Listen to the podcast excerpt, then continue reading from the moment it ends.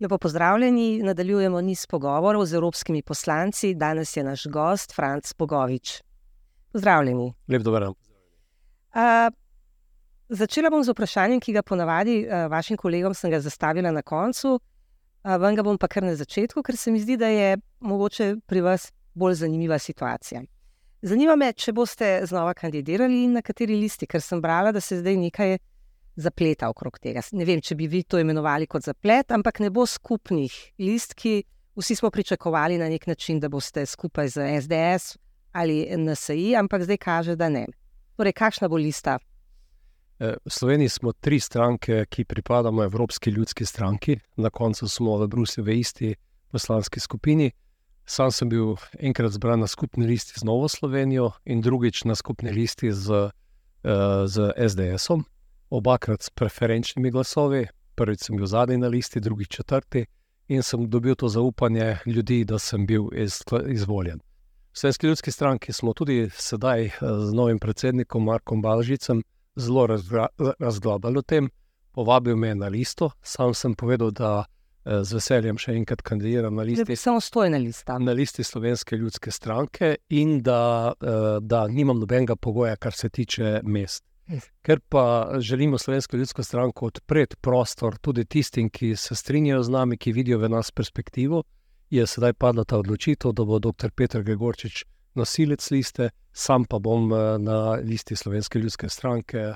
Eh, ali bo samostojna, ali bo še mogoče kakšno skupno, še koga zvabimo na to listo, smo pustili na glavnem odboru odprto, tako da to bo še stvar naslednjih mesecev. Vsekakor pa želimo imeti eh, samostojno tudi močno listo, da če ni dogovora, absolutno kandidiramo. Ni pa težko sporov. Ne, z... ne, moram reči, da sem bil zelo vesel, sem sodeloval na, na izvršilnem odboru, na glavnem odboru in je bila ta odločitev soglasno sprejeta in tudi zelo lepo pozdravljena strani naših članov ki na nek način smo vse čas potrebovali to, da se slovenska ljudska stranka ukrepi tudi v mestih. Doslej smo bili znani kot kmetijska, kmečka, podeželska stranka, že z, za novim predsednikom Markom Balažicem, sedaj še z dr. Petrom Gregorčičem, naredimo dvoje. Po eni strani približamo ljudsko stranko tudi v Ljubljano, v mesta in damo priložnost novi generaciji. Eh, da vstopa v slovensko politiko, seveda vse skupaj, ne samo v luči evropskih volitev, ampak tudi naslednjih parlamentarnih volitev, kjer računamo, da se vrnemo tudi v nacionalni parlament. Uh, okay. Dobro. Um, rekli ste, da vam ni pomembno mesto na listi, ne? ker tako ali tako so preferenčni glasovi. Tako, tako da uh, greva zdaj mogoče k bolj uh, tudi aktualnim stvarem, ampak neke obče, bi rekla, vrednosti. Da vas recimo vprašam, uh, se vam je zgodilo kadarkoli ali pa v zadnjem času, da ste morali vrniti kakšen izdelek? Prehrambeni. Imate to izkušnje? Ne, nimam te izkušnje, imam pa drugo izkušnjo. Uh, zelo rad povem to, da sam še vedno tudi kmetujem, uh, doma z ženo pridelujemo jabolka. Uh, imamo tudi več standardov, tako slovenski standard izbrane kakovosti, uh, potem tudi uh, standard integrirane predelave in mednarodni standard Global Gap, kjer je del standardizacije, certifikacije tudi to, da je v Avstriji narejena analiza na ostanke pesticidov. Tako da sam zelo dobro poznam te stvari in absolutno nikoli nimam problemov, niti s tistimi jabolkami, ki jih mi plasiramo na trg, eh, sam pa tudi. Zelo veliko koristim to, kar predela doma, še tudi tašča. In, uh, sem uh, zelo lokalno, lokalno jem zelo lokalno hrano. Čist, čisto kot je moderno. Ja. Uh, Zelo normalno. Ja, ja.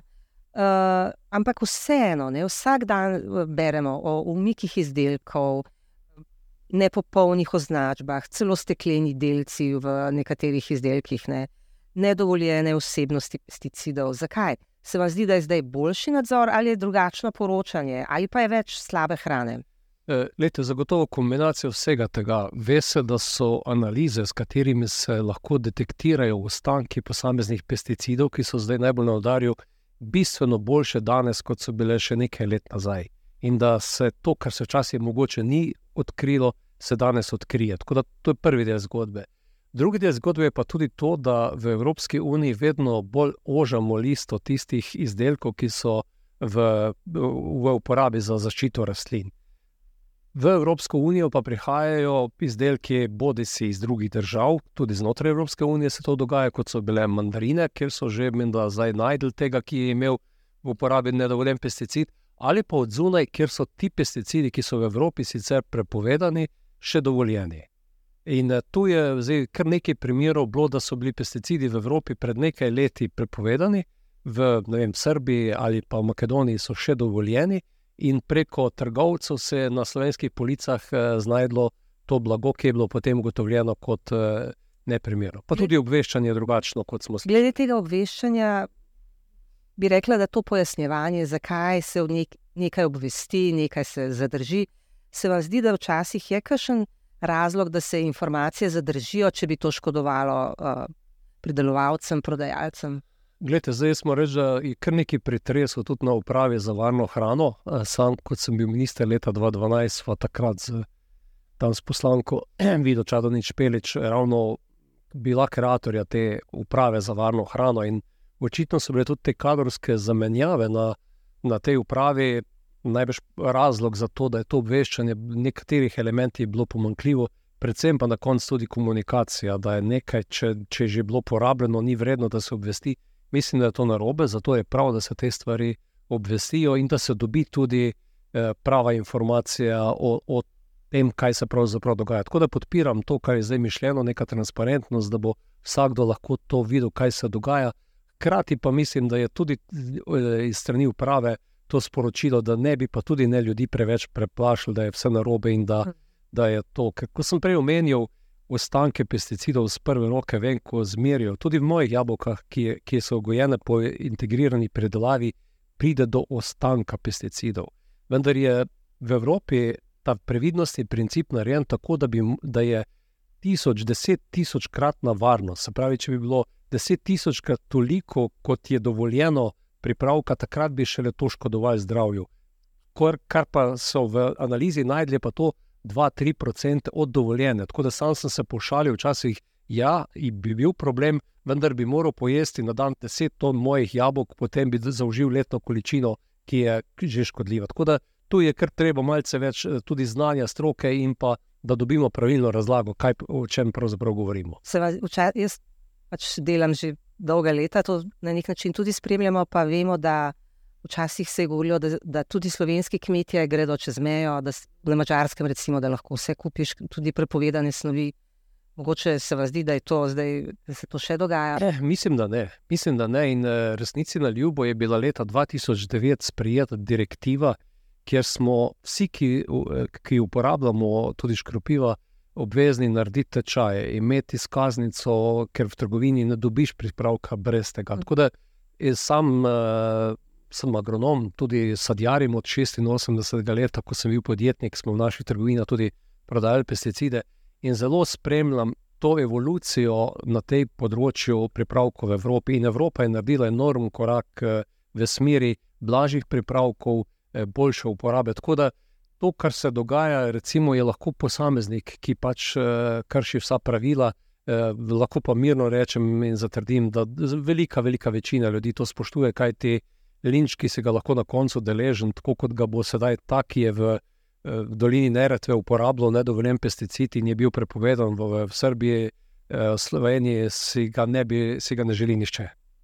Uh, sami ste, uh, pravite, agronom, sadjar in tako naprej, vendar pa v Evropski uniji se pa zelo zauzemate za, za bolj ohlapna pravila recimo ti razni evropski odbori za kmetijstvo, razvoj podeželja, okolje, javno zdravje in tako naprej, glede teh uredb o trajnostni rabi pesticidov. Najprej so bile, eh, bi rekla, ostrejše zaveze, se pravi, polovično zmanjšanje do leta 30. Vi, pa vaša politična skupina, ste se zauzemali za umilitev tega, in zdaj je do, do 50% in do leta 35, drži. Postopek še ni zaključen. Še ni. Ja. Ravno uh, naslednjo plenarno zasedanje je glasovanje v stališču Evropskega parlamenta. Kot vemo, komisija pripravi svoj predlog, ja. ministri svojega, Evropski parlament svojega. In to, kar najbolj moti mene v tej, v tej uredbi, je to, da je želja po veliki centralizaciji odločanja in postavljanja pravil iz, mi radi rečemo, Bruslu, iz Barlemona, se pravi iz Evropske komisije, ne pa da bi to o tem odločile države članice in prilagodile, glede na to, da je eh, kmetovanje na portugalskem, Španiji, Finski, Sloveniji povsem različno. In zato je ta cilj 50% ostaja. Razlike v parlamentu so to, da so bili nekateri tudi poročevalka Sara Viner iz odbora za okolje iz Avstrije, Avstrije. Ona je postavila tezo, da bi morali do leta 2030 zmanjšati za 80% in 2035 prenehati uporabo pesticidov. Mirno lahko rečem, da to je naredil predsednik Šrilanke, po dveh letih je bila država lačna in sam je moral z letalom zbežati iz države. In da mislim, da je to praktično nemogoče. Komisija, ki je predlagala ured, uredbo, ni podala podatka, kako bo to vplivalo na prehransko varnost, po drugi strani pa niti tega podatka, da smo v zadnjih petih letih v Evropski uniji različno države do države zmanjšali uporabo pesticidov od 25% do ene tretjine. Slovenija je bliže te številke. In zato sam trdim, da bomo mi do leta 30 več kot dosegli ta cilj.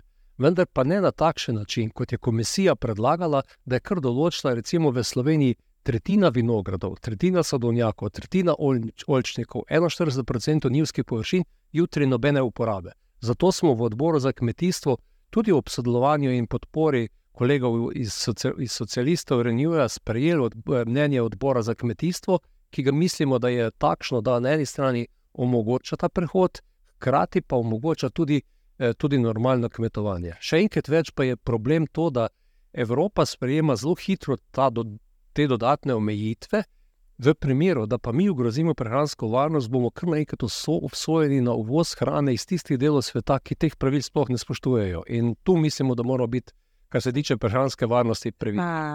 Hotela sicer kasneje, ampak o tej prehranski varnosti govorimo in implicite v tem je stalno grožnja, da bomo lačni. Ne? Ampak in da je to povezano z ukrepi okoljskimi. A, nikjer se ne omenja, če lahko, nikjer se ne omenja, uh, recimo, kakšne milijardne dobičke so imeli trgovci z žitom, največji, multinacionalke. Uh, kakšne uh, dobičke gromozanske imajo uh, trgovske verige in tako naprej. Govori se pa o pesticidih. Je, mislim, da, kle, da tukaj ni nekega ravnotežja. Posebej, ko gre za, bi rekla, um, vašo politično skupino. Glede, zdaj naslavljate več problemov. E, eden je najprej pojem prehranske varnosti, je sestavljen iz tega, da pridelaš v tvoji relativni bližini dovolj hrane, ki je najprej zdrava, pridelana na takšen način, da ni zdravju škodljiva, po drugi strani pa tudi, e, da je cena te hrane takšna, da je za poprečnega potrošnika dosegljiva, da nimamo tega problema, da veliko ljudi ne more kupiti te hrane. Drug moment je pa so pa nesorazmerje v trgovski verigi. In to smo v tem mandatu v Evropskem parlamentu sprejeli prav direktiva, direktivo, s katero se poskuša urejati eh, ta nesorazmerje, kajti eh, dokazano je empirično, da v tej zgodbi kmetje potegnejo krajši konec. Šlo je tudi za vojno dobiček. To, to je težko pa, reči, da rače. Ab, absolutno, absolutno. In lete, um, velik problem je recimo cena žita. Ko se je zgodila vojna. Je, bil, je bila pšenica, katere cena je običajno tam 230-250 dolarjev za tono, poskočila na 400, 400 do 500 dolarjev, pomeni, da v Egiptu niso več mogli z države sofinancirati kruha. E, Evropski tudi ti eh, kmetovalci, ki, ki uporabljajo žita tudi v živilski, živinski prehrani, so enostavno morali to prenehati. Naslednje leto se pa zgodi, da ta cena pa 110-130 dolarjev. In to, kar je bilo včasih značilno za trg, recimo za nafto, ta velika volatilnost cen, je sedaj prešlo v kmetijstvo. In kmetje so na to pravzaprav nemočni, in veliko kmetijskih proizvodov, obratov, lahko propade ravno zaradi tega. Se vam ne zdi, da tukaj bi morala Evropska unija uh, neke uzde dati, neke uh, nadzor? Ali je to sploh možno? Glejte, tu prihajamo do podobnega momenta, kot smo prišli pri energetski krizi. Sam uh, in ko smo govorili o energetski varnosti. Vojna v Ukrajini je prinesla nazaj termin varnosti, vojaška, energetska, prehranska. In pri energetiki je bilo enostavno ponekod potrebno poseči tako daleč, da so se cene omejile, če so želeli eh, želeli, da bodo ljudje lahko še sploh kupovali in da ne bo nekdo koval dobičkov v tistem času, ali so to naftne rafinerije ali pa proizvajalci elektrike. Eh, zagotovo se bi kmetje najraje pristali na to, da bi bil nek interval, v katerem se cena hrana spremenja manjši in da je nekaj prostora tudi za boljše, slabše. To pa, da je enkrat cena vem, 500 dolarjev za tono, drugič pa 110, eh, to ne more nobeno kmetijstvo zdržati. In usoda, recimo, predlavcev pšenice je bila takšna, da so kupovali žit, semena, mineralna gnojila in uporabljali nafto takrat, ko je bilo to na najvišjih cenah, letošnjo leto pa je eh, pšenica na najnižji, ko imajo predelke. E, tu je del naloge tudi na kmetijstvu, izgradnja za, e, silosov, da enostavno ne bojo kmetje odvisni od tega, kaj jim trgovec tisti dan ponuja, ko je žito zrelo, ampak da ga da v silos in ga z njim trguje takrat, ko bo ocenil, da je cena primerna. Tako da en del naloge mora tudi tu kmetijstvo narediti z boljšo organizacijo in spos, poskušati spostaviti neko ravnovesje proti trgovini, ki se je pa tako skoncentrirala, da je značilno, da imajo po vseh evropskih državah 3 do 5 največjih trgovskih verig, ima od 60 do 80 odstotkov tržišča in zato so tu kmetje v podrejenem položaju.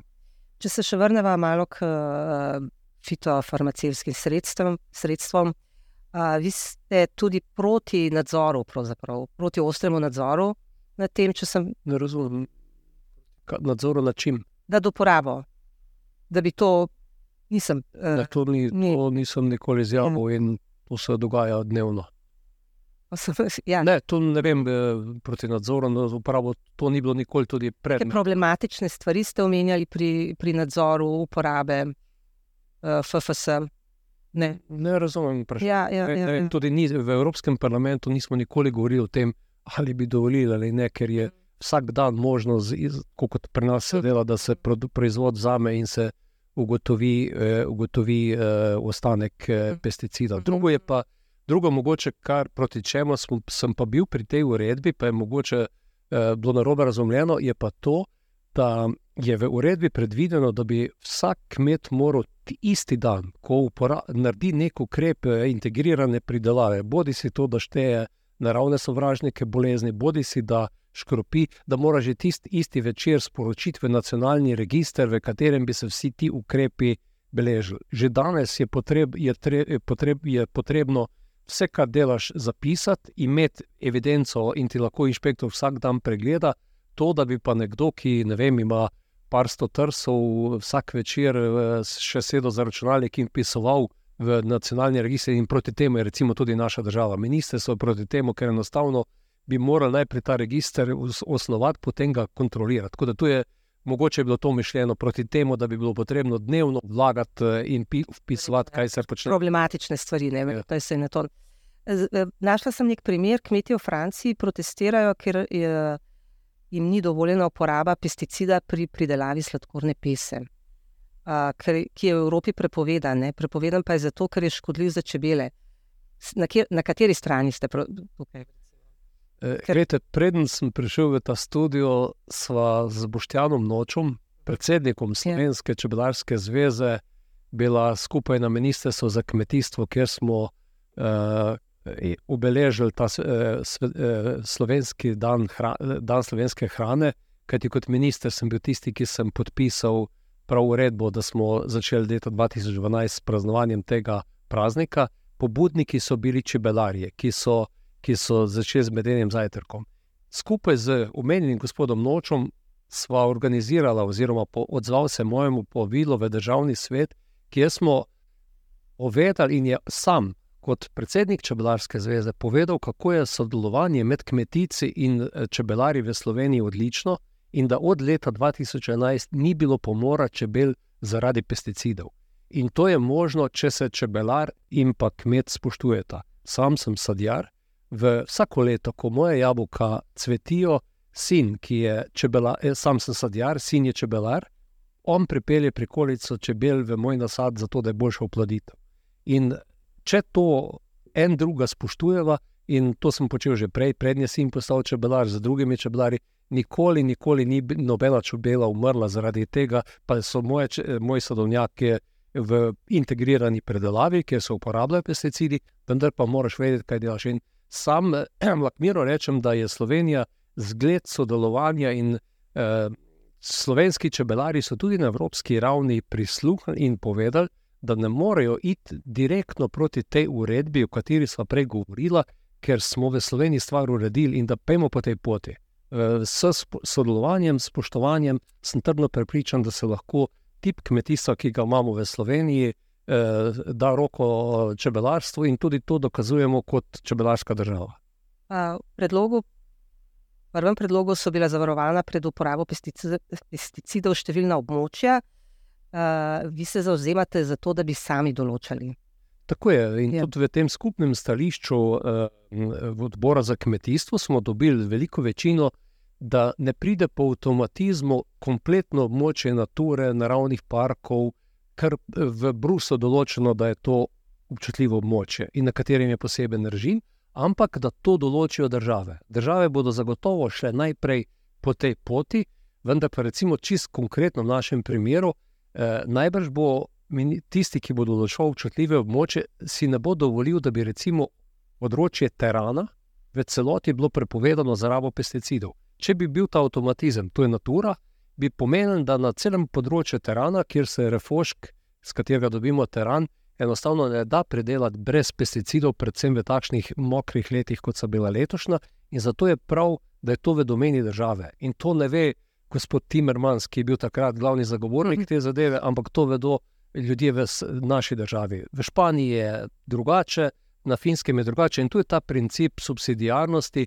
In če kje pri tipih kmetovanja, pri tem, kaj delati na kmetijskih površinah, res ni potrebe, da se s tem belijo glavo v Bruslju, ampak nekaj prepustijo domači stroki, ki je tudi dokazala, da zna to delati.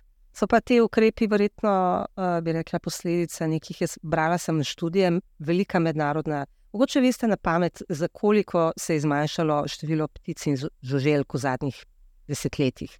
Krepko preko polovice je zmanjšanje ja. tega. Ne? Ni to grozljivo. Tudi Raziskovalci so označili to številko za grozljivo. Bodimo pa zopet precizni, pa poglejmo situacijo v Sloveniji. Slovenija je po biodiverziteti, en, mislim, na drugem mestu v, v Evropi, ja, če, ne, če ni celo prva.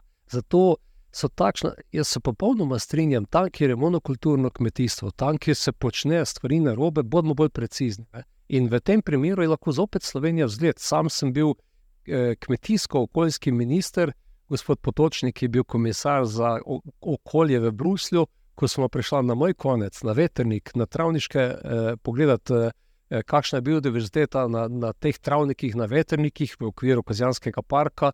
Ljudje iz Brusla niso mogli verjeti, da še to v Evropi obstaja. Zato je to, kar je recimo vem, v ameriški preriji, kjer je Monsanto, kjer je deset tisoč hektarjev koruze, soje v monokulturi, nekaj drugega kot to, kar je evropsko kmetijstvo, da ne rečemo pa slovensko, ki je tudi zaradi svoje majhnosti eh, parcel, majhnih kmetij, že samo po sebi bistveno bolj biodiverzivno. Govorimo o celotnem prostoru Evrope. Ne? Ampak zanima me, recimo, glifosat. Ste za to, da ostane? Lete, glifosat je pripravek, ki je bil najbolj pregleden pesticid, ki je bil zagotovo deležen največje kontrole.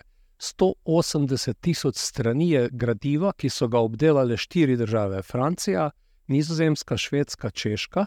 Na koncu so to gradivo, običajno to obdela ena država, pa bistveno manj gradiv, e, še, potem pa dobi v roke e, EFSA, se pravi Agencija za varno hrano, in EKA, Agencija za kemikalije. Obe agenciji sta priporočilo na osnovi vseh teh študij in pa ugotovitev štirih držav prišle do ugotovitve, da ni razloga za, za, za, za prepoved tega herbicida. In zato je tudi komisija, kolikor je meni znano, ta predlog dala, zdo, mislim, dala predlog za podaljšanje za deset let, eh, in uh, po vsej verjetnosti bo, ker ga države niso se mogle poenotiti, niti za prepoved, niti za podaljšanje, ga bo komisija podaljšala.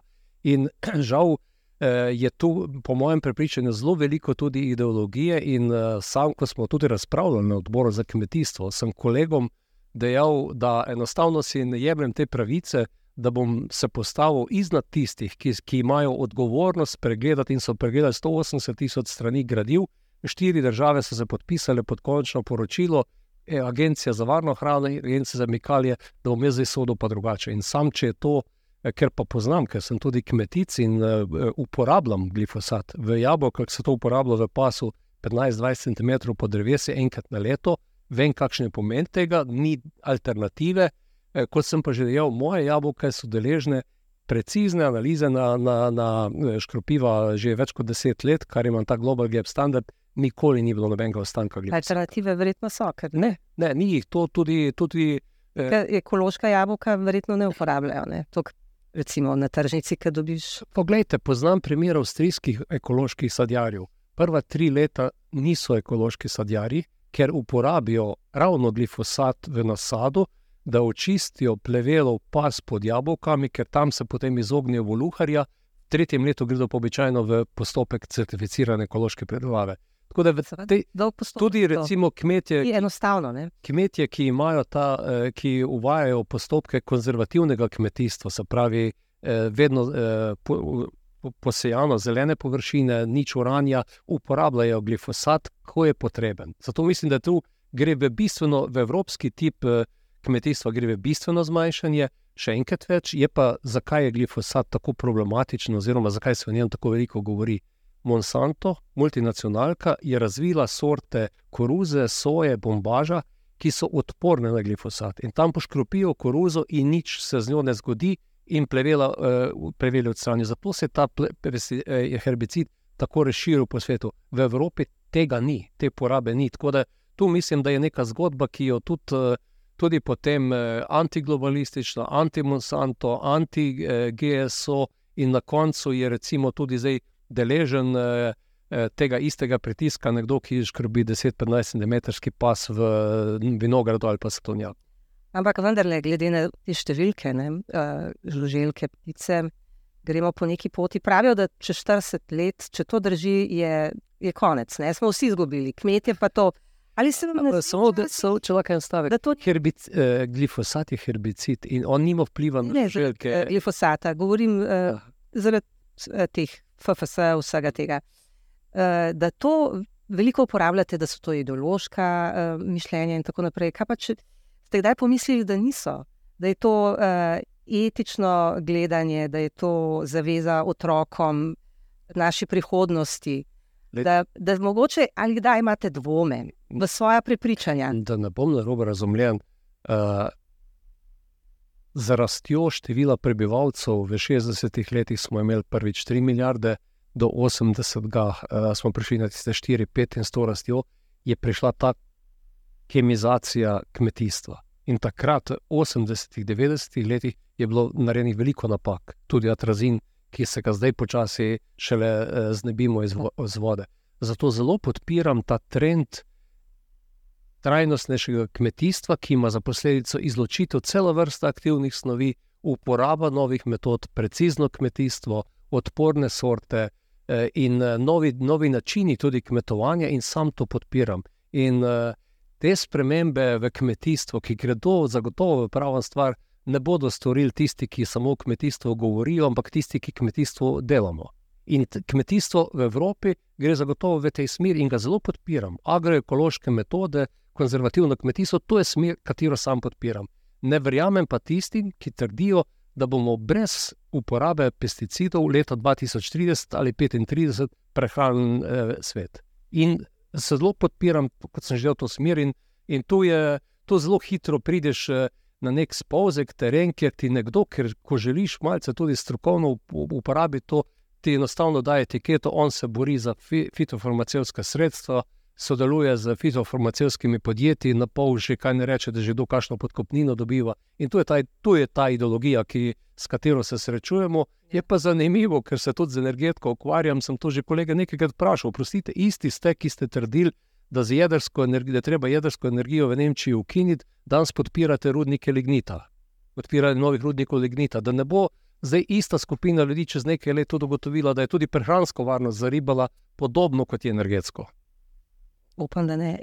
Vendar ne. Eh, napisala sem si uh, analizo okoljevarstvenega portala Desmok, ki navaja, da ste se vaše uh, stike z proizvajalci pesticidov, Bayer, Bas, Corteva, Singinta, skupino Kopa Kongenka, ki je združenje dveh velikih kmetijskih krovnih organizacij, vi in še pet poslancev vaše uh, politične skupine ste se osemkrat pogosteje, to je njihova analiza, uh, sestajali s temi interesnimi skupinami v kmetijstvu, kot z nevladnimi organizacijami, ki zastopajo javne interese. Uh, med januarjem 2020 in julijem 2023 skupno več kot 400 krat s predstavniki kmetijske industrije, proizvajalci pesticidov in drugih lobijev, kar je osemkrat več kot s predstavniki nevladnih organizacij.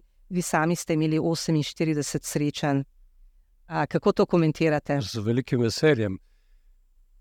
Ključna kvaliteta Evropskega parlamenta, če primerjam delo z državnim zborom, je to, da imaš možnost se pogovarjati z najrazličnejšimi odlo odločevalci. Cela vrsta je tudi tako imenovanih hearingov, ker ti ljudje pridejo na seje odborov. Ko pa postaneš enkrat poročevalec za neko temo, kot sem sam bil za te, temo fitofarmacevtskih sredstev, je zagotovo zelo velik interes, in med temi, ki so se srečevali, so bili tudi nevladniki, ne samo fitofarmacevska združenja. Ko pa Kožega je pa glavna organizacija, kjer so združene evropske kmetijske organizacije in pa tudi zadruge. Tudi v slovenskimi kmetijskimi organizacijami sem se veliko krat sestavljal na to temo, še v ponedeljek smo bili skupaj ministri, na Ministrstvu za kmetijstvo in ugotavljali njihovo stališče. E, in e, Desmok je pa skupaj s politikom, ki je v ozadju, kjer je ameriški kapital, je pa nevladna organizacija. In ko govorimo o nevladnih organizacijah, je zelo zanimivo tudi ugotoviti, odkot je pa njihovo financiranje, ker so različni ameriški stadi v ozadju. Tako da jaz mislim, da je v Evropi se ustvarjajo vtis o zelo pridnih, eh, poštenih nevladnih organizacijah, tudi Katar, Katar, držijo. držijo. In, eh, jaz sem sprejemal, kot sem delal, sem sprejemal tudi nevladnike in tisti, ki so me želeli prepričati, da bomo leta 2035 prehranili planet brez uporabe pesticidov, sem jim povedal, da v to ne verjamem. In zato so se mogoče oni večkrat oglasili pri zelenih. V Evropski ljudski stranki pa tudi sam si pa jemljem to tudi na nek način, kot sem prej poskušal pojasniti, kot odgovornost za prehransko varnost in želimo zagotoviti ta trajnostni prehod v tem, da se pa srečujem, jaz res vsako srečanje po, eh, zapišem, mogoče kdo ne piše vseh srečanj. Eh, tudi vem, na energetiki sem sedaj poročal za male modularne bloke, se srečujem z, z tistimi, ki se s tem ukvarjajo, z gospodarstvom, bolj kot pa z Greenpeaceom, ki ne verjame v jedrsko energijo. In to mislim, da je eh, tudi v Sloveniji veliko krat lobisti, lobiranje, kot da nekdo hodi s kovertami in nam ponuja nek denar v žep. Evropski parlament je prostor, kjer, kjer resnično lahko se, se vsakomor srečaš s stroko, znanostjo. Velika neravnotežje. Vsak, ja. Vsakdo, ki je, ki je prosil za sestanek z mano, ga je vedno dobil. To sem zelo striktno, da nikoli ne zavračam. In sem zelo vesel tudi agroekologi, z njimi, to je nevladni sektor z tega področja, z njimi sem šel, ker je poročevalka Sara Viner organizirala ogled kmetije z njimi na kmetijo. Tako da eh, tu je.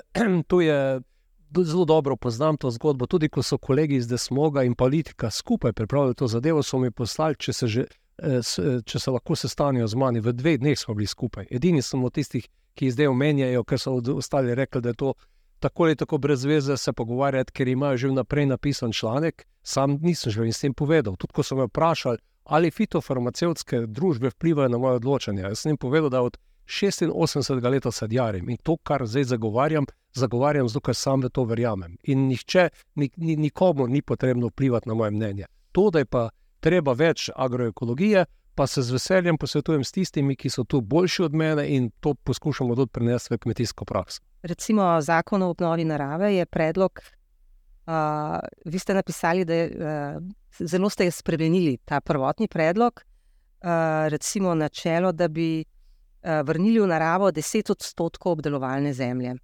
To ste v bistvu uh, ja. proti temu, ker da bi uh, to zmanjšalo uh, obdelovanje.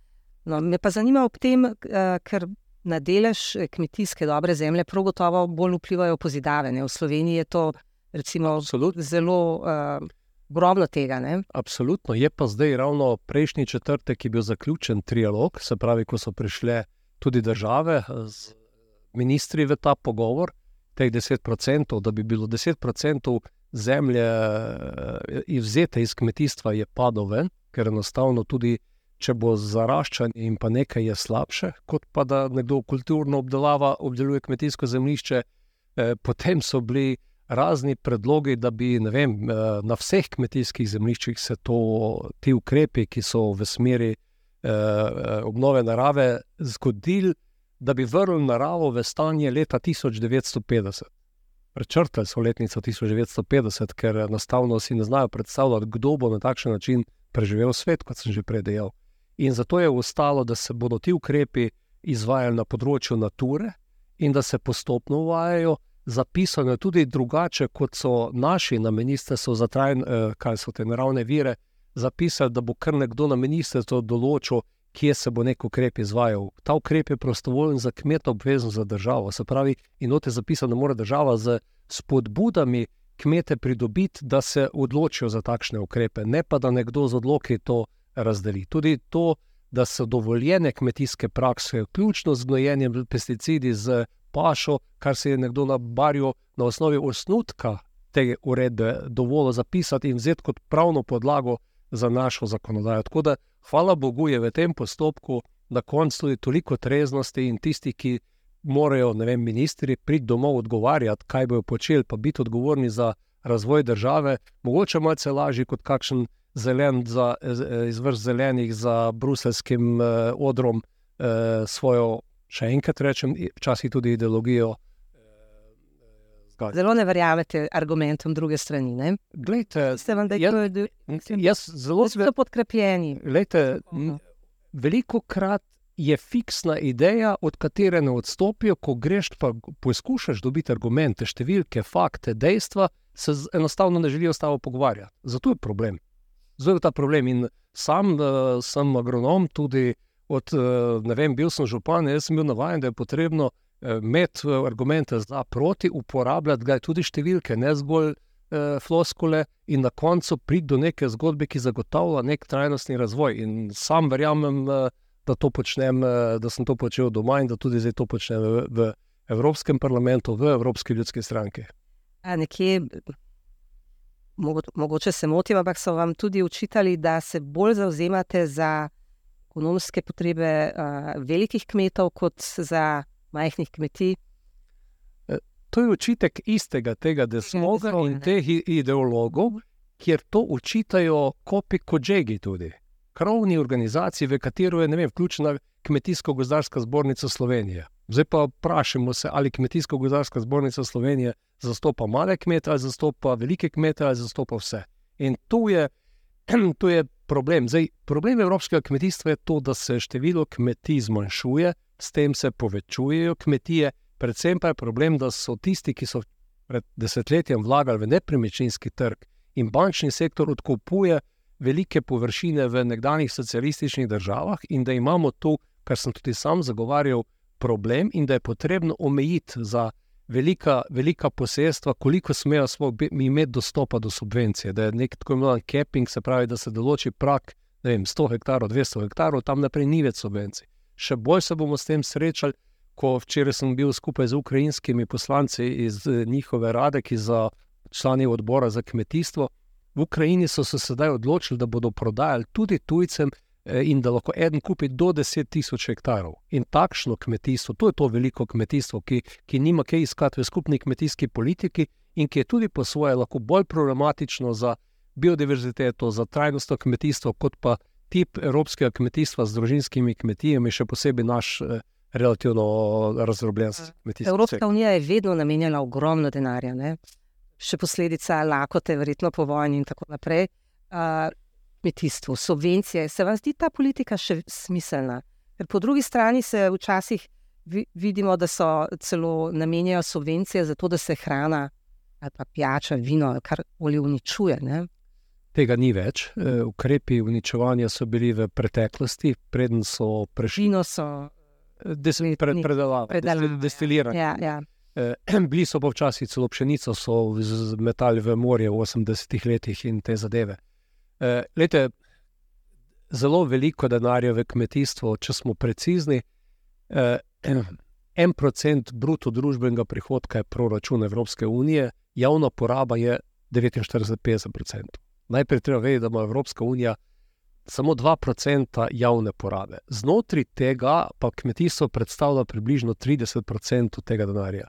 In ni cela 3% BDP-ja je to, kar zdaj vlagamo v kmetijstvo, ki ima od začetnih samo potreb po pridelati dovolj hrane, na drugo komponento eh, razvoja podeželja, poseljenosti podeželja, in zdaj tretja komponenta okolje, biodiverziteta, ki zajema zdaj približno eno tretjino proračuna. Tako da o tem, kako so to tako zelo velika sredstva, in na ta način smo kontinent spravili iz kontinenta, ki je bil lačen, v en kontinent, ki daje danes, je kaže po trajnostnega kmetijstva, svetovno gledano, se ne strinjam s tistim, niti da je to staromodna politika, jaz bomo morali kar naprej, še pa bomo lahko še tako moderni. Niti se ne strinjam s tem, da so to tako velika sredstva, da jih ne bi smeli eh, ohraniti. Se pa strinjam, da je potrebno spremenjati to kmetijsko politiko in tudi sam zelo zagovarjam v smer tega trajnostnejšega kmetijstva, tudi podpora, recimo, ekološkemu kmetijstvu, ki je bistveno večje kot klasično in podobno. Tako da tu nimam težav. Se strinjate, da hrane je dovolj, samo razdeliti globalno, tudi gledano. Ne? Mm. Mi ne rabimo uh, gensko spremenjene hrane, da bi nahranili Afriko, ne? če bi bila razdelitev drugačna. Ampak... Glede, jaz bi tako rekel, COVID kriza. Pravična, COVID kriza, Ukrajina je pokazala nekaj, da ni dovolj, če je samo hrane dovolj na svetu. Celo tako daleč je ja. treba imeti, kar smo govorili na forumu v predsednici, da treba imeti prehransko suverenost znotraj države. In mi smo v Evropi vse prevečkrat lahko miselno gledali, varnost, vojaška je za forever, kot rečemo, energetska varnost, prehranska varnost. Ni tako. Vse tri varnosti so se v zadnjih dveh letih postavljale pod vprašaj, in zato je kar potrebno skrbeti za prehransko varnost, ker tudi v tleh Slovenije. Ni, v COVID-u nismo mogli španske solate dobiti takrat, ko je bi želeli. Je pa ta varnost, kot sem že prej uh, začela to temo, nekako, uh, ko to slišimo, recimo, ko gre za uh, varnost, terorizem in tako naprej, smo pripravljeni se odreči delu človekovih pravic in uh, pristati na marsikaj. Ko slišimo to besedo, ne? isto je pri prehranski varnosti. Ne? Smo tudi pripravljeni, verjetno, se odreči marsičemu. Vi se ne zauzemate eh, za te uh, za bolj ostre, pred, ostre predloge. Ne? Ampak. Poglej, ravno zato, ker, ker, ker mislim, da moramo biti odgovorni in imeti prehod, ki, je, ki bo ohranil to prehransko varnost danes, eh, naslednje leto, čez dve, tri. Zato ne morem pristati na to, da si nekdo v Bruslju izmisli, da vem, na krasu posekamo posekamo eh, vinograde, kjer je teran. Eh, v Savinski dolini bomo začeli po hmeliščih lomasti, v primorskem po, po olkah. To so nasade, ki so bili narejeni za 20, 30, 50 let. In prehodi, kot sem še enkrat ponovil, se, kaj, smo, kaj se je v kmetijstvu uporabljalo kot normalno ukrep v 90-ih, leta 2020, do 2020 je zelo različen. Ko imam sistem integrirane predelave, Vsak, zato se tudi zdaj prizadevam, da bi takšni sistemi imeli možnost tudi na občutljivih območjih, vsako leto posebej država, se pravi Ministrstvo za kmetijstvo, v soglasju z Evropsko unijo, da navodilo, kaj se še sme uporabljati in kaj ne. In to je ta prehod. Zagovarjam postopen prehod, ne revolucije, kaj, kaj ti revolucija ima zelo veliko žrtev in nekateri bi se pa šli zelo revolucionarno početi, tudi v Evropskem parlamentu. To se vam zdi. Ja. Uh, za vas, eh, mimo grede, ko, uh, bili ste zelo veseli, ko je Timmermans se omaknil. Ne? Jaz sem se razumela, kot da ga gledate kot nekega norca, skoraj ne, ne. polskega lunatika. Ideologa, ideologa, ki je sam to večkrat trdim, v tekmi med zelenimi in socialisti, kdo bo bolj temno zelen, naredi ogromno škode v Bruslju. Ne vem, ali bomo res 3% hiš lahko obnovili na leto. To je njihova ideja. Če vemo, da ni materijala, ne ljudi, ne ne denarja. Ali bomo res 35 let umaknili zadnji avto na uh, notranje zgorevanje, ali bomo res zgradili 5 do 6 krat več sončnih in veternih elektrarn, če vemo, da za to nimamo niti sorovin, niti, niti prostora. In to so te ideologije, ki, ki niso podkrepljene številkami. In v Bruslu, če danes vprašate, so se vsi vdahnili, da je prišel drug socialist, Ševčevič, ki ima bistveno bolj pragmatičen, racionalen pristop in dopušča tudi tehnološko neutralnost. Timmermans je bil, na primer, proti jedrski. Zakaj? Zato, ker se je on tako odločil. Je pa imel to moč, da je kot avtor Green Deala, zadolžen za Green Deal pri predsednici von der Leyen, ki je tudi najbrž na začetku mandata verjela nemški, nemškemu energetskemu modelu, ki je zdaj pokopal nemško gospodarstvo in evropsko konkurenčnost, je pristala na to ideologijo. In zato sem se zelo oddahnil in sem še enkrat vesel. In kolikor slišim, mu to njegovo, ta njegova ideologija ne bo šla skozi niti na nizozemskem, eh, kjer bodo zdaj v kratkem volitve in bo tudi dobil nezaupnico pri ljudeh. Mi smo tako bogata družba. Ne? Uh, govorite, ni denarja za to, ni denarja za uno. Uh, hkrati pa, kot smo že prej govorili o teh milijardnih, bilijon, še več kot milijardnih dobičkih. Ne? Kaj pa, kakšne male obdavčitve ne, tega? Se strinjam. Se strinjam. Pa bi se denar nabral za marsikater projekt, ki zdaj mogoče zgleda kot utopija, norost in tako naprej, ideološka. Ja. Lete, to smer se pa ne razmišlja, kaj da s tem. Evropa mora zbrati najprej lastne vire, zato da bo vrnila denar za načrt za ukrevanje in odpornost. In ima zelo velike težave pri pridobivanju in soglasju držav, tako za davek, za plastiko, na multinacionalke in podobno. Je pa treba biti zelo previden pri teh stvareh. Kaj ti recimo zeleni prehod, ki je zdaj mantra, eh, mantra Green Deal. Eh, ko sem bil v panelu skupaj z Finci in pa z Nemci, so povedali, da bo cel ta prehod do 2050 mogoče 10% sredstev javnih, vse ostalo bodo sredstva, ki bodo jih plačali ljudje, ko bomo obnavljali hiše, ko bomo menjavali avto in gospodarstvo. In mi imamo ta problem, da mi ne moremo z davkom zbrati denar za ljudi in za gospodarstvo, in da bomo povzročili energetsko revščino pri ljudeh, padec konkurenčnosti gospodarstva.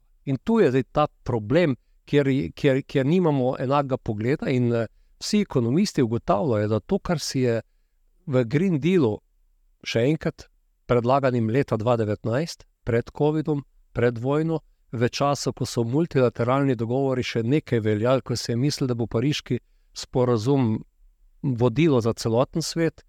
Podatek za lansko leto pa je, da je Kitajska zgradila eh, termoelektrarn skupne moči 105 MW, to je toliko, kot je moč 150 krških nukleark. Toliko so lansko leto inštalirali novih termoblokov. In zato je v tej zgodbi, kjer pa kar naenkrat v Evropi obdavčujemo elektriko z taksami, ki so dva, trikrat dražje od goriva, od, recimo od plina, od nafte, lahko tudi to problem. In zato pa še potem izbiramo tehnologije. Naprimer, američani so šli z Inflation Reduction Actom, s katerim so naredili, uh, sprostili enostavni model eh, tehnološke neutralnosti, uveljavili, po drugi strani pa šli z zmanjševanjem obdavčitve, ne z, samo z novim denarjem. To imamo v Evropi. Eh, in ta model. So pa še kar naprej zelo visoki. Gospodarstvo je zelo spretno, bi rekla, v PR-ju svoje. Mm.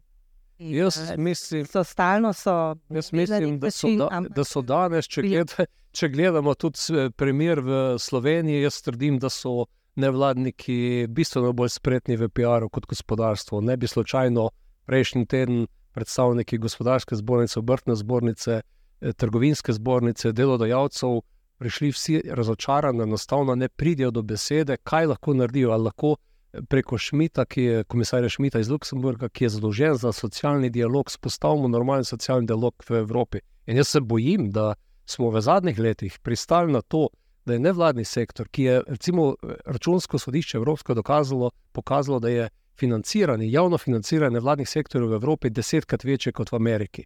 Veliko krat pogotovimo, da je veliko krat ta nevladni sektor financiran iz različnih finančnih skladov ameriških. In jaz mislim, da smo v Evropi preveč naivni včasih, ko mislimo, da je svet idealen, da je vse lepo, v resnici pa ti globalni igravci na zelo spreten način naredijo tudi te spore znotraj med političnimi skupinami, med državami, na dolgi rok pa eh, Evropa kot kontinent to pelje, eh, potegne krajši konec. Tako da imam sam tudi to določen pogled, pa to največ ne bomo danes mogli razčistiti. Bi šla še na eno temo. Vi se zelo zauzemate, da bi zmanjšali zaščito volkov, verjetno tudi drugih zveri, ki so zdaj bolj zaščitene medvede. Da bi jih konkretno, kot sem prebrala, predstavili iz priloge 4 v prilogo 5 direktive o habitatih, kar na koncu pomeni, da bi jih lahko spet bolj nemoteno pobijali. Ne?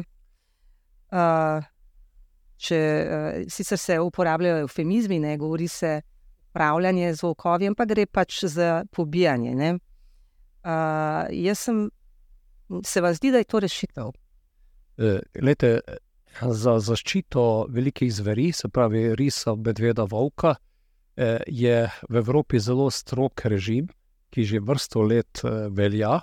In eh, odlična posledica tega je to, da se je ta populacija iz nekdaj ogrožene populacije, je, ki jim je grozilo izumrtje, danes zelo razširila in v mnogih delih Evrope povzroča že velike težave. Se pravi, ta zaščita, da bi bila eh, populacija medvedov, volkov, risov ogrožena, ta zadeva ne drži več. Število volkov je, medvedov je naraslo za desetkrat skoraj. V Sloveniji, ko sem bil sam minister leta 2012, je bilo tam okoli 350-400 volkov, po ugotovitvi stroke, danes jih je 1200-1300. Naprimer, eh, med, pardon, medvedo, ja. Ja, okay. Eh, med, se upravičujem. Medtem ko je recimo na švedskem, ki ima 22krat več eh, gozdnih površin kot Slovenija, bistveno redkeje poseljeno, nacionalna odločitev, da ko je več kot tisoč medvedov, se enostavno stalež na tej številki ustavlja. Prav, ponekod, kot je v Sloveniji, da ne govorimo o Romuniji, ker jih motorist na cesti že sreča, je to prešlo vse neke normalne meje in zato je ta zaščita, konec koncev, tudi v resoluciji Evropskega parlamenta sprejeta, da je potrebno, eh, je potrebno to spremeniti. To ne pomeni, da bo zdaj vsakdo nabavil puško in streljal, ja. ampak da so lovski načrti tisti, ki, ki bodo to upravljali. In tudi je zanimivo, da tudi lovci podpirajo. Podpirajo, podpirajo. Se vam zdi, da, da kakšni drugi ukrepi, recimo, ki bi varovali rejce, ker so, ne? jaz sem prebrala, da mislim, da v Franciji so. Uh, predvsem spremembe v živinoreji. Ne? Če imaš večje živali, recimo krave, konje, osle, imajo manj težav, uh, potem so ograje, psi, in se, uh, so se zmanjšali napadi za 94 odstotkov, tudi pri nas, mislim, da na Snežniku, da je ta dobra praksa. Širi se pa število strašno ovc pri nas. Ne, ne ni res. Uh, so ovce so na bloku, skoraj izumrle in ko če vzkajamo zaradi tega. Kako? Od, jaz od 20 tisoč v začetku 90-ih naraslo do 40, 140 tisoč. Število ovcev na teh ja. območjih, kjer, kjer je medved uh, prisoten, zelo se zmanjšuje. Ampak te ukrepi, mislite, da to ne deluje? Lejte, vse poslušamo in v vaših poročilih, na vašem mediju gledamo te pomore. In imamo ta problem tudi, da se je Eh, ravno na teh območjih, zaradi tega, ker je postajal ta konflikt vedno večji, se dogaja dvoje: zaraščanje površin, to pomeni, da se habitat zveri približuje kmetijstvu, po drugi strani je pa, to sem govoril z ljudmi na blokih, se je zaradi velikega števila medvedov in pa volkov zmanjšala populacija srnjadi. Ker so enostavno bili hrana tem velikim zverem. In je to ravnovesje tam porušeno, in je še toliko večji pritisk na na rej, rejne živali, ki, ki jih imajo kmetje v rokah. In to, uh, zato ni treba kaj dosti več kot pogledati slovenska poročila, iti malce na te konce. In, in ti... Vemo v resnici, kakšne ukrepe ti eh, reci uporabljajo. Ampak to se je pokazalo tudi v, v ja. Franciji, poroč, sem spremljal to poročilo. Več kot, več kot 30 milijonov evrov so vložili v te ukrepe, francozi, pokazali se na koncu kot neučinkoviti.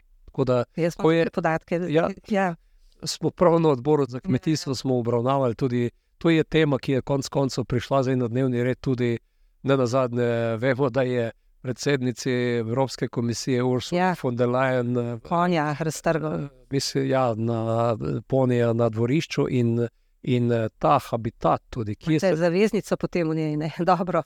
Pač nekdo, ki je živo doživel, kaj se dogaja. In recimo, jaz sem bil pri kmetu, kjer je na vratih hleva bila raztrgana telica, ki se je biki sleval v trgu in šel reševati govedo. Tako da jaz mislim, da je potrebno gledati na mučenje živali na obeh straneh, pa ne na zadnje tudi neke kmetije, ki ima perspektivo v tem. Ker, uh, Eden izmed raziskovalcev uh, z biotehnične Miha Krofel, ki je verjetno največji strokovnjak za volkove, pravi, da odstrel volkov, ki bi uh, bil trajnosten, se pravi, da se odstreli toliko volkov, da, uh, da ni nevarno za ohranitev vrste, ni mogoče. Ni mogoč. Pravi, da to ne, da ne gre, da, da bi, če bi hoteli mi zmanjšati, ker volk je teritorijalna žival in, skratka, uh, in da tudi bokovi na nek način uh, evolucijsko sami poskrbijo za svoje število. Ete, do zdaj se dogaja to podrobno, poznam pri medvedu, ker sem proučeval to zadevo. Če ne posežeš, in v Sloveniji se tri leta zapovrstijo, ni, ni posegal, ker so pač nevladniki bili dovolj uspešni, da so z upravnimi postopki to zavrnili, se za 30% poveča populacija let. In tako smo mi od 2012 do danes prišli iz 300 do 400 medvedov na 1000, 1100, 200, 300, ne vem koliko jih je. In eh, ta, ta prostor slovenski ima te omejitve, že same živali med sabo, koliko medvedov lahko se v naravi prehrani, volkov in potem ta konflikt s kmetijstvom. Tako da eh, to so živali, ki v našem prostoru nimajo naravnih sovražnikov, medveda, volka, srno lahko uh, spravi sveta zver. Je pa še to krmljeno. Ker pravijo, da je to eden uh, problemov, da v bistvu krmimo živali kot strel, od, za odstrel. Ne, ja, po drugi strani so pa skrmišči, saj tako drugi trdijo, pa se umikajo. umikajo od naselja. Tako da jaz reči, nisem ravno strokovnjak na tem področju, poznam pa te številke in mm, sam sem prepričan in to sem številnimi kmeti odgovoril, da je enostavno na takšen način, če bomo dopustili 20-30% povečanja populacije na leto, ne bo srečnega konca. A, če ostaneva pri volkovih, da skratka, prosil trdi, da če bi mo, uh, hoteli uh, nekako urediti stvari, oziroma pobiti volkove na Gorenskem in Primorskem, da bi v bistvu morali postreliti vse volkove v Sloveniji in tudi v precejšnjem delu Italije in Hrvaške, zaradi narave njihove organizacije in socialnega življenja in tako naprej. Se bi na koncu zauzeli tudi za, tudi za takšno rešitev? Nihče ne govori o tem, da je potrebno pobiti vse volkove, vendar pa kot uh, ste sama prej v narekovaj dejala, upravljanje s populacijo volkov je to, da se neko število ki ga prosto prenese, ohranja. In to vidimo tudi te primere, kjer na, se izvršijo napadi, najbrž te volkove treba odstraniti iz populacije. In to če, o tem govori če drži, to on zelo to razdela, mogoče to je zdaj preveč, ne, razdela, kako je to neučinkovito. Samo nekaj volkov, da ustreliš na nekem območju, da to v resnici ne prinese uh, rezultatov, Ja, bojim pa se, da tudi če nam bo nič naredili, ne bo hodilo učinkovito in bomo imeli zelo velike konflikte v naravi. Se pravi, ja. zaščitni ukrepi sami. Plus, plus regulacija eh, upravljanja za po, število populacije. Torej, ni za drastične, za iztrebitev. Ne, nišče o tem ne govori. Ja. Ampak to je na nek način.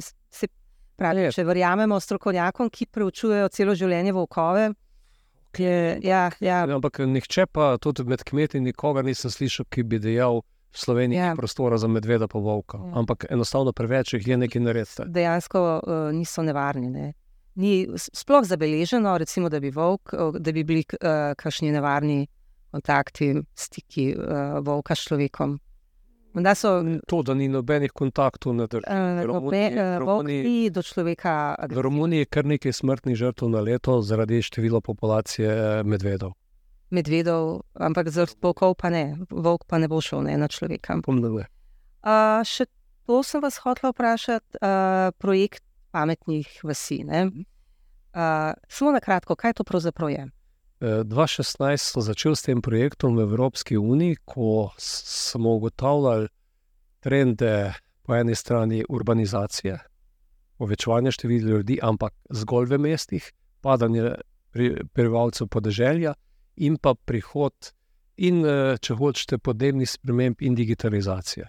In kaj narediti, da bo podeželje ostalo naseljeno, smo združili v tem konceptu pametne vasi ki temelji na tem, da je potrebno na eni strani zgraditi vso potrebno infrastrukturo, od ceste, vode, odpadne vode do širokopasovnih povezav, ohraniti šole na podeželju, ohraniti eh, eh infrastrukturo z področja kulture, športa.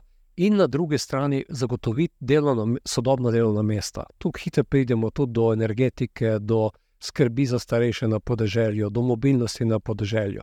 Veseli me to, da je po nekaj letih to uspešno uh, tega dela, to postalo na nek način doseglo potrditev, da imamo zdaj na nivoju Evropske unije sprijeto uh, dolgoročno strategijo razvoja podeželja do leta 2040, komisarka iz Hrvaške, gospa Šujica, je bila združena skupaj s kmetijskimi in pa komisarjem in komisarjem združen za regionalni razvoj, kjer se predvsem odgovarja tudi na te trende izseljevanja podeželja. Sam sem pa zdaj bil imenovan v skupino 30, ki snujemo koncept za tudi naslednjo finančno perspektivo. Evropska komisija nas je povabila, trije smo iz parlamenta, predstavniki tudi Evropske komisije, odbora regij, eh, potem številni nevladni iz, eh, iz nevladnega sektora širom iz Evrope. Tako da zadeva se odlično razvija in dobiva v mnogih državah že zelo jasne nacionalne smernice. Eh, strateške načrte na tem področju. Ena izmed vaših poti ne, je bila, bi rekla, vprašljiva na nek način. Pametne vasi ste preučevali na terenu in to tudi v Azerbajdžanu. Državi, ki... Predtem na Hrvaškem načinu. Ja, ampak Azerbajdžan, veste, je država, ki, uh, ko gre za demokratične načela, je ta režim, bi rekli, sporen. Ne? In v Bakuju vas je gostil prav ta režim. Uh, kako gled, ste danes morda spremenili mnenje, ker takšna potovanja zakonsko so dovoljena, ampak uh, politično pa problematična. Teden dni nazaj so bili pri meni predstavniki Armenije, njihovi nevladniki so bili avtori teh, eh, tega pisanja, eh, ker smo govorili ravno o pametnih vaseh, kako bi v Armeniji razvili kaj takega. Eh, ko smo v Evropski uniji na številnih forumih, ko sem predstavljal to idejo, je bil tudi na enem od teh veleposlanik Azerbejdžana v Bruslju in je predstavil koncept, kako so pri njih že zgradili pametno vas. In je povabil skupino iz te Eh, intergrupe Rumra Rural Mountain eh, Remote Areas, da smo šli si to pogledati.